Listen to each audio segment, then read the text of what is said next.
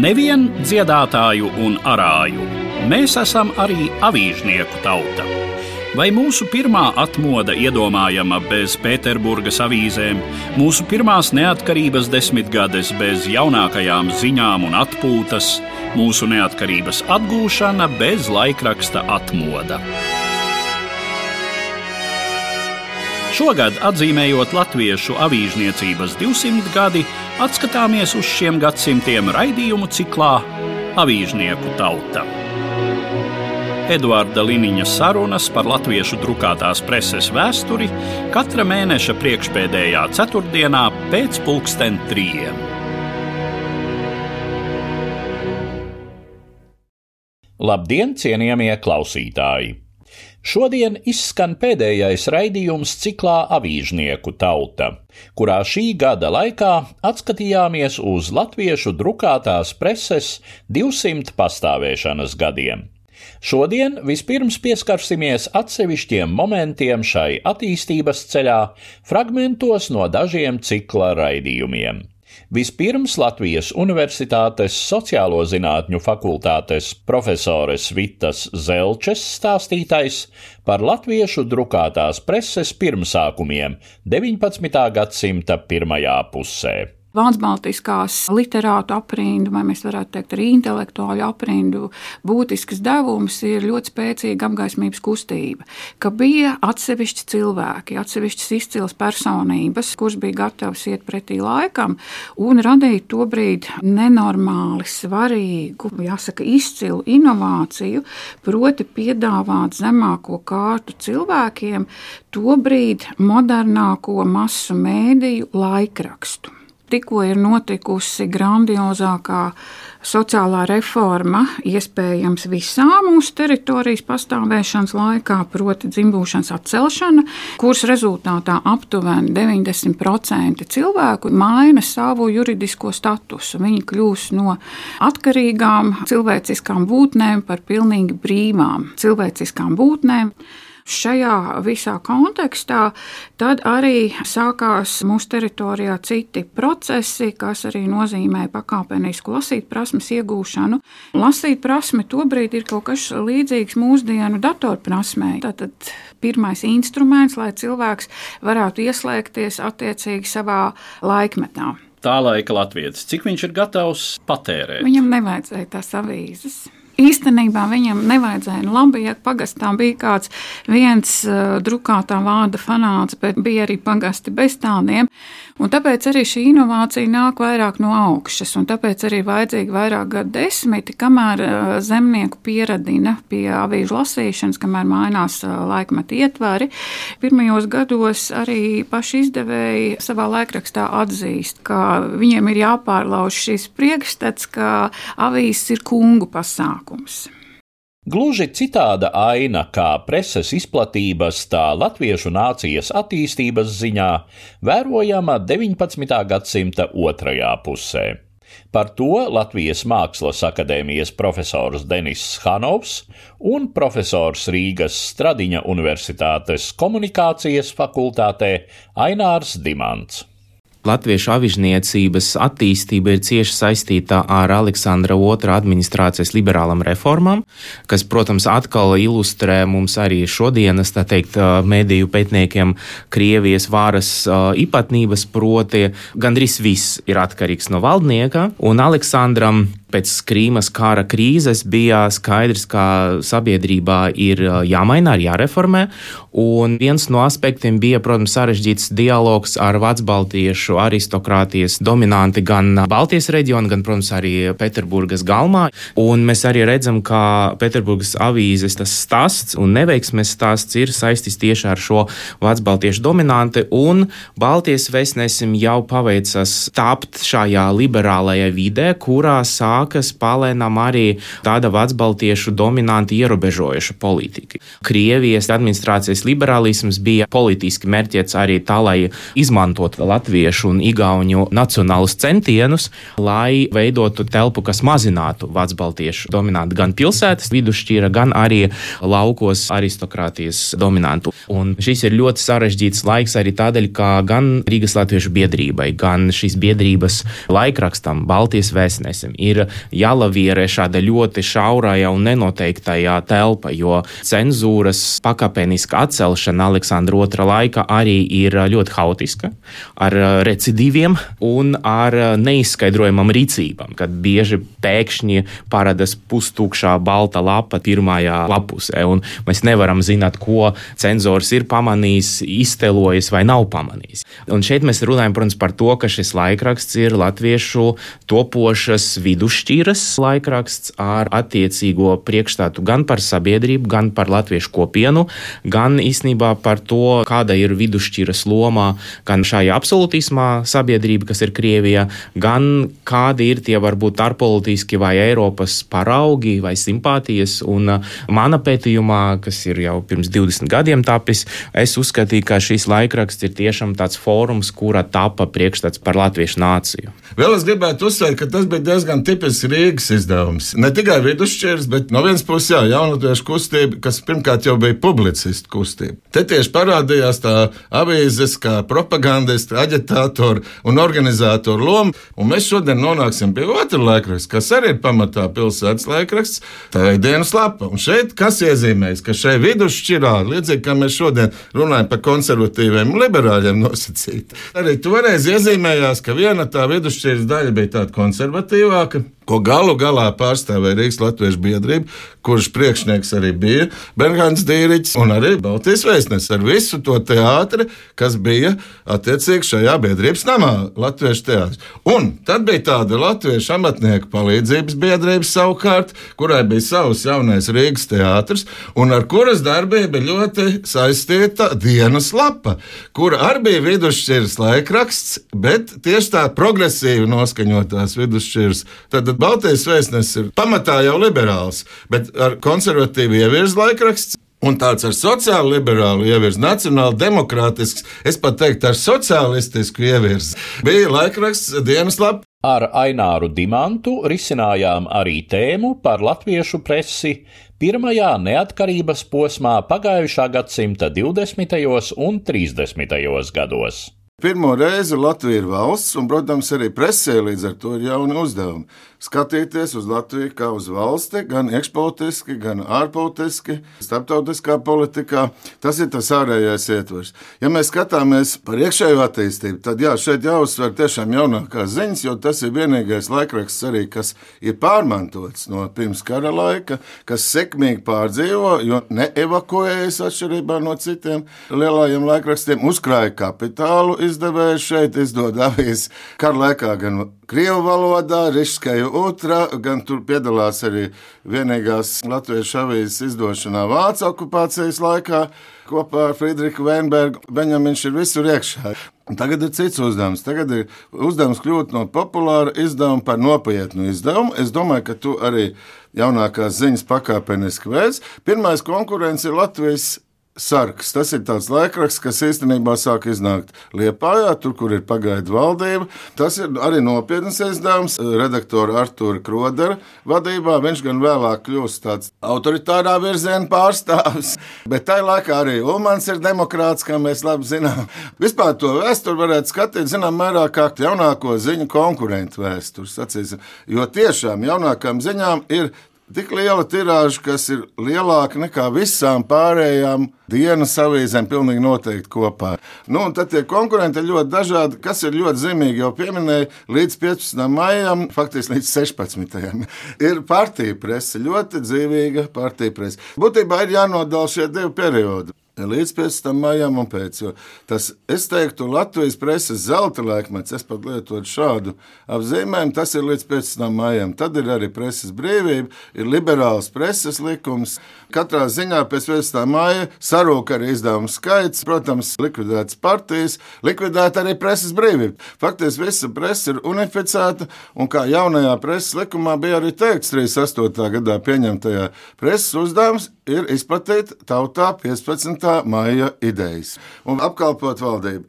Preses nebrīvības laiks, kas iestājās līdz ar autoritāro apvērsumu 1934. gadā, Vēl daudz skarbāk turpinājās totalitāro okupācijas režīmu periodā, kas noslēdzās tikai līdz ar Padomju Savienības sabrukumu pagājušā gadsimta 80. gadu otrajā pusē.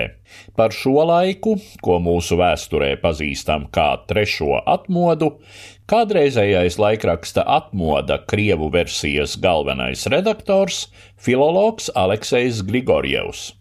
Vispār es gribētu pakāpt vēl vienu solīti atpakaļ un atgādināt vēlreiz par to, kā strādāja Preses padomju savienībā. Un par to man ļoti interesanti izstāstīja viens Izraels politologs, profesors Šlomā Vinēri. Es viņam prasīju, kā izpaužās tas, ka Izrēlē ir tik daudz bijušo padomju cilvēku. Viņš saka, nu kā, viņi visi pērk vismaz piecas avīzes, lasa, tad salīdzina un mēģina uh, saprast, kas tur ir rakstīts starp rindām. Es domāju, ka lasīšana starp rindām un rakstīšana starp rindām piederēja pie būtiskajiem padomju žurnālistu iemaņām. Ne visi to darīja, ļoti daudzi vienkārši kalpoja tai propagandai, bet ļoti daudzi mēģināja tās sarkanās līnijas pabīdīt. Un lasītāji to ļoti labi saprata. Protams, no šīs dienas viedokļa tā ir tāda kaut kāda kā sīka būšana, bet tomēr tam bija ļoti liela nozīme. Un tā kaut kur zemdegās veidojas tas, es domāju, ka tas Regīnas ezeras nosaukums, tas ir ļoti raksturīgs šim periodam, jo kaut kur, tā teikt, nemanot, veidojās šī atmoda pirms atmodas, tāds kaut kā pirms pavasaris. Tikko parādījās iespēja darīt kaut ko vairāk, tad notika tāds kā sprādziens. Un tas sprādziens, es domāju, ka vispirms tas bija avots, tad arī atmoda.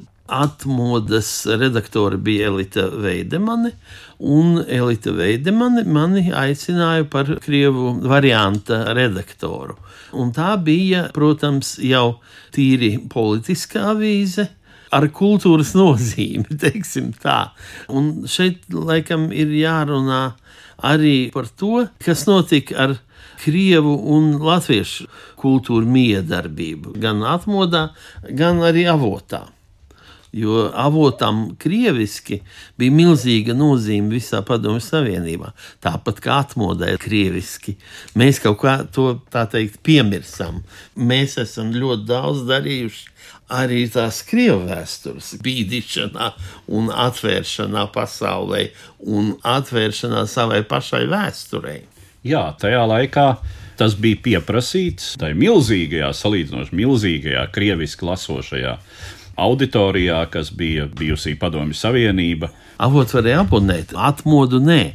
Atmodu brauc eh, tādi cilvēki, teiksim, no Harkovas anarchisti, tādi jauni čalīši, kas pirka un pēc tam pārdeva. Es saprotu, viņi arī kaut ko ieguva, kādu kāpēciņu sev, bet tam bija ļoti liela nozīme. Es atceros, man nāca, es aizmirsu viņa vārdu, tās ukraiņu rakstnieks, kas dzīvoja eh, Latvijā, un viņš teica, jūs tikai nodrukājiet to manu rakstiņu. Es jau to izplatīšu pa visu Ukraiņu pats. Ukraiņa bija laikam otrs lielākais temats Krievijas atmodā. Jaunā tūkstošgade digitalizācijas un globālā tīmekļa laikmets nesis latviešu drukātajai presei jaunu realitāti un jaunus izaicinājumus. Par drukātās preses likteni šodien sarunājos ar laikraksta Latvijas avīze galveno redaktori Lindu Rasu. Es gribētu sākt ar jautājumu, kā šais jaunajos laikos, kas Latvijā, manuprāt, ir iestājušies apmēram ap 2005. gadu, varbūt mazliet ātrāk, varbūt mazliet vēlāk. Es pieļauju, ka tā robeža šķirtne starp citu varētu būt brīdis, kad laikraksts diena tika pārdots un uh, mainījās diezgan izteikti.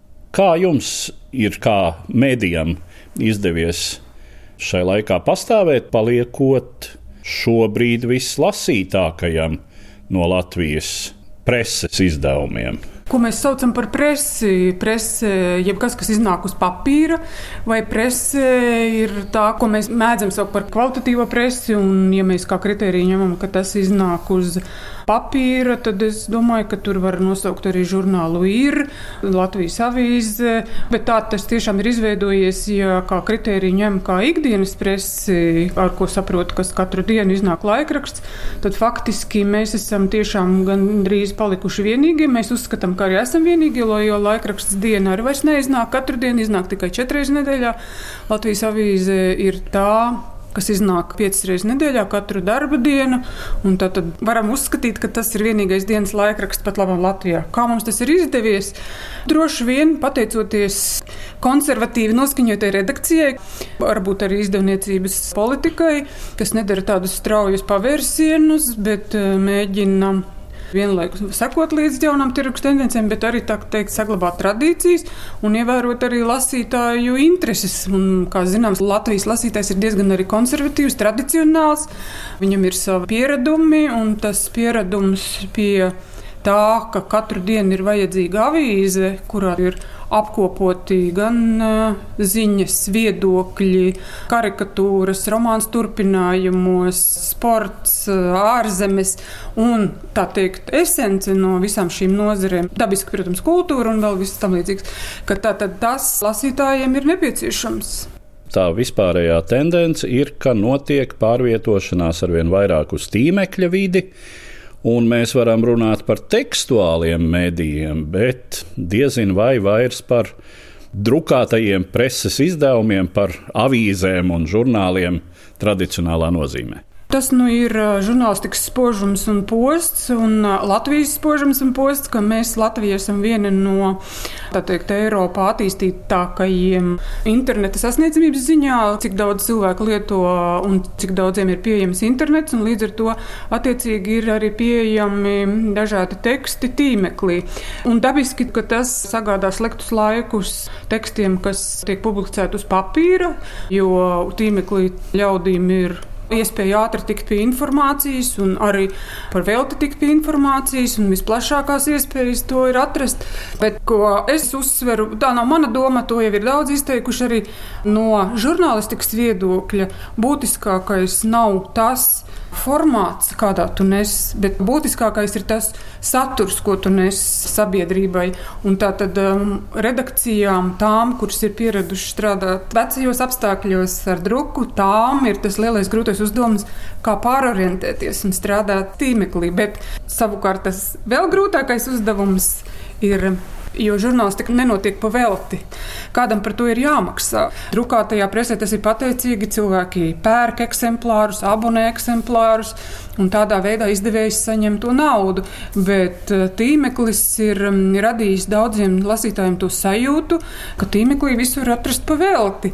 Agrāk daudz ko nosedz eh, portālos reklāmas, bet arī tagad tur saskarās ar grūtībām, ka reklāmas naudu vien nepietiek, lai algotu kvalitatīvus žurnālus.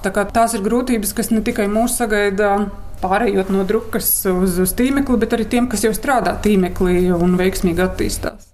Kādi tad jūsuprāt ir tie galvenie ieguvumi un varbūt galvenie zaudējumi, pārorientējoties uz tīmekļa mediju situāciju? Ieguvums noteikti ir tas, ka informācijas ātrums ieguves sabiedrībai nav jāgaida vairs tas brīdis, kad redakcija būs sagatavojusi materiālu, nogādājusi tipogrāfiju, jau tipogrāfiju nodrukājusi un pēc tam pasniegs nākošajā dienā aiznesis to žurnālu vai avīzi, un pa to laiku jau informācija būs apaugusi ar jaunu stāstu.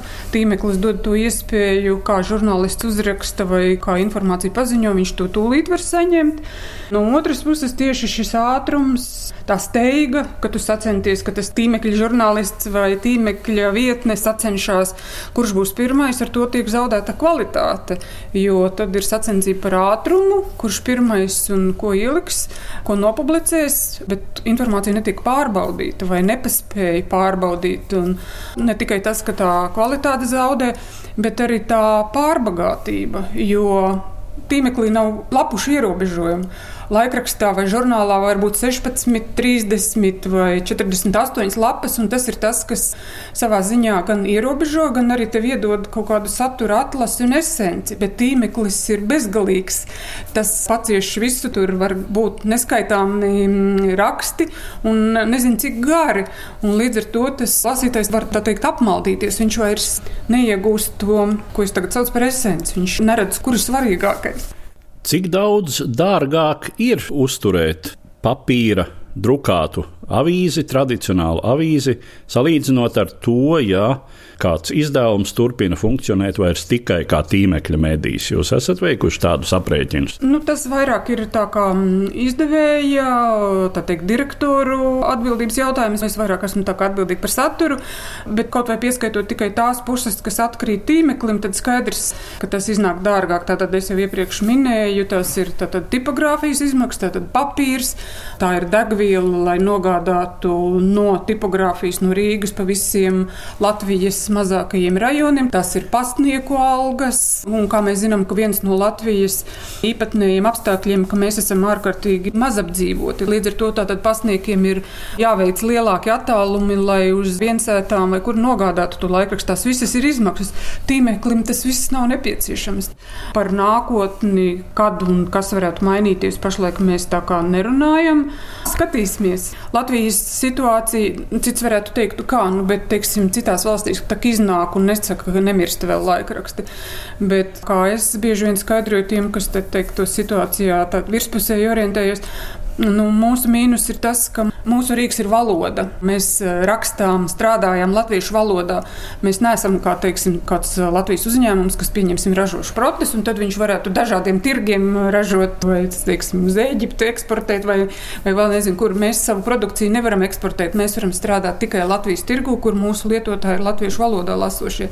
Tik cik ir mūsu iedzīvotāji latviešu valodā lasošie, uz tiem mēs varam arī orientēties. Un Latvijas iedzīvotāju teikt, skaits nu, mēs zinām, nav liels. No otras puses, man pašai rodas arī jautājums, tad, kad es šo argumentu lietoju, Igaunijā ir vēl mazāk iedzīvotāji un mazāk lasošo, teiksim, Igaunijas valodā. Viņiem drukātā presa ir daudz labākā stāvoklī nekā mums.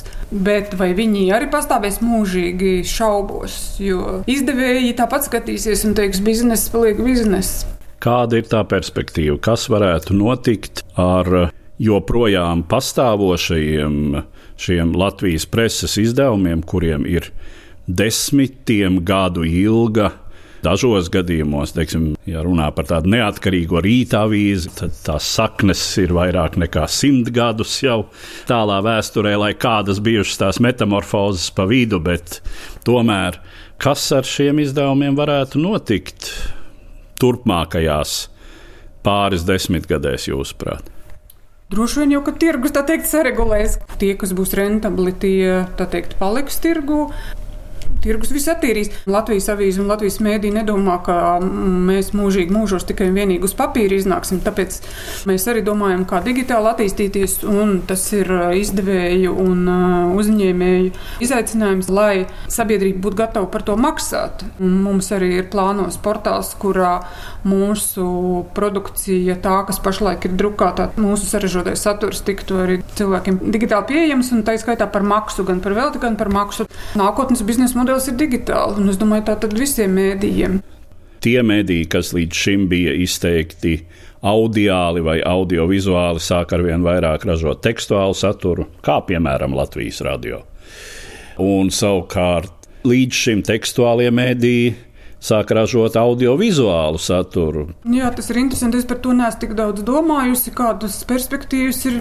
Tā tad uh, redakcija secina, ka tas labais saturs, ko mūsu lieliskie žurnālisti, mūsu lieliskie redaktori ir sarūpējuši, ka mums tas auditorijai ir jāpiegādā arī šādā formā, ka mēs neceram, ka viņi tikai lasīs mūsu burtus digitāli, internetā vai uz papīra, bet mēs tiešām mūsu lieliskos komentārus vai mūsu lieliskās intervijas, ka mēs viņiem piedāvājam arī audio versijā. Jā, tā kā droši vien, ka redakcijas ar vien vairāk nodarbosies ar visiem šiem veidiem. Nevelti tāpēc arī Mēs, drukātie mēdīji, kas ieejam arī digitālajā versijā, arvien vairāk mēs arī meklējam ceļus, kā filmēt. Tagad mēs jau zinām, ka cilvēkiem ar acīm bauda. Nu, viņi grib redzēt kadru. Daudziem nav laika lasīt, viņi grib fonā paskatīties video vai paklausīties. Tā mums ir vienkārši jāpieņem tas, ka sabiedrība to vēlas, un tad mums viņiem ir viņa vēlmēm jāpiemērojas. Bet, nu jā, mēs paši uzskatām, kāpēc mums tā tad ir jāpastāv kā tāda sabiedrības misija, pie kā arī tas varbūt ir drukātiem mēdījiem. Plus mums ir korektors, mums ir redaktori. Mēs tad, tad esam vieni no tiem, kas rūpējās, lai viens no Latvijas valsts pamat stūrakmeņiem latviešu valoda, lai pastāvētu tā, lai tā būtu labskanīga, literāri pareizi, tīra. Un gal galā, kurš tad cits, ja ne mēs paši latvieši par to, lai rūpējamies, un mediju redakcijas ir tās, kurām arī būtu jāveicina tās latviešu valodas gan attīstību, gan arī runāšanu tajā, gan arī lasīšanu. Tā kā tas būtu arī latviešu nācijas interesēs, lai arī tādas redakcijas kā Latvijas avīze un citi līdzīgi, lai pastāvētu.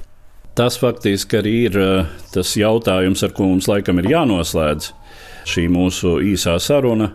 Jo viss šis raidījuma cikls, kur es veidoju šī gada laikā, ir vairāk vai mazāk stāsts par to, kā drukātā prese ir sākotnēji bijusi ļoti nozīmīga latviešu nācijas formēšanā, tautas padarīšanā par nāciju, pēc tam nacionālās izjūtas, pašapziņas uzturēšanā dažādos laikos, dažādās politiskajās situācijās.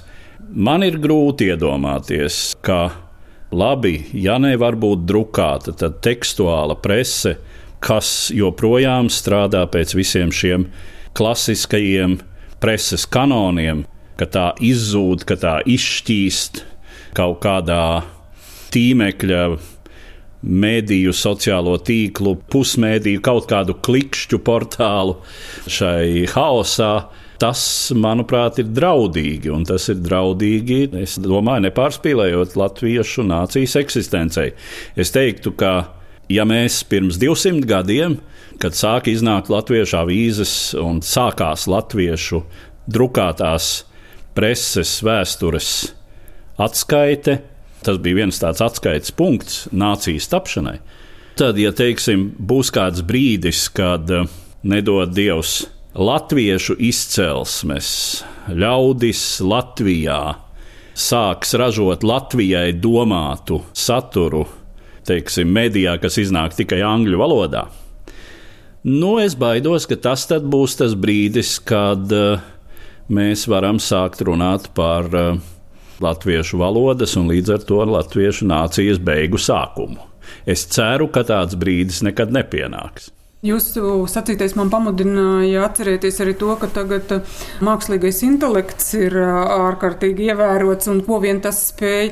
Es domāju, ka bīstami būtu arī tas, ja tekstus latviešu valodā ļautu ražot uh, tikai mākslīgajam intelektam, jo tas jau arī pratīs, teiksim, paziņot sporta rezultātus vai kā tas tiek pieņemts kā pilnīgi reāls variants. Šausmas būtu, ja mākslīgais intelekts mums latviski visu stāstītu, jo žurnālistikas viens viens no arī stūrakmeņiem ir tas, ka cilvēks, žurnālistiskā personība tev sniedz vai nu reportāžu no notikuma vietas caur to cilvēku, vai šis cilvēks caur savām zināšanām, viņš dod īpašo savu ieskatu. Un, un, un tas ir tas piesaistošais, un kādēļ vispār vajadzētu arī žurnālistikai turpināt pastāvēt caur konkrētiem autoriem. Dievs pasargiem mākslīgajam intelektam mēs arī atdosim mēdījus. Te es ceru uz to, ka žurnālistikā, tāpat kā daudzās citās nozarēs, ir svarīga šī saikne starp cilvēku un cilvēku. Ir svarīgi identificēties zināmā mērā ar šo žurnālistu, vai tad saprast, ka tu absolūti nespēji ar viņu identificēties. Līdzīgi kā tas ir piemēram ar klasisko teātri. Gribētu cerēt, ka arī prese kā cilvēka veidots saturs, kā cilvēka veidots medijs turpinās pastāvēt. Līdz ar to izskan pēdējais raidījums ciklā Avīžnieku tauta. Raidījumā dzirdējāt Latvijas Universitātes sociālo zinātņu fakultātes profesori Vitu Zelči, Latvijas Mākslas akadēmijas profesoru Denisu Hanovu, profesoru Rīgas Stradiņa Universitātes komunikācijas fakultātē Aināru Dimantu, kādreizējo laikraksta atmoda Krievu versijas galveno redaktoru, filologu Alekseju Grigorjevu un laikraksta Latvijas avīze galveno redaktori Lindu Rasu. Uzredzēšanos cienījamie klausītāji!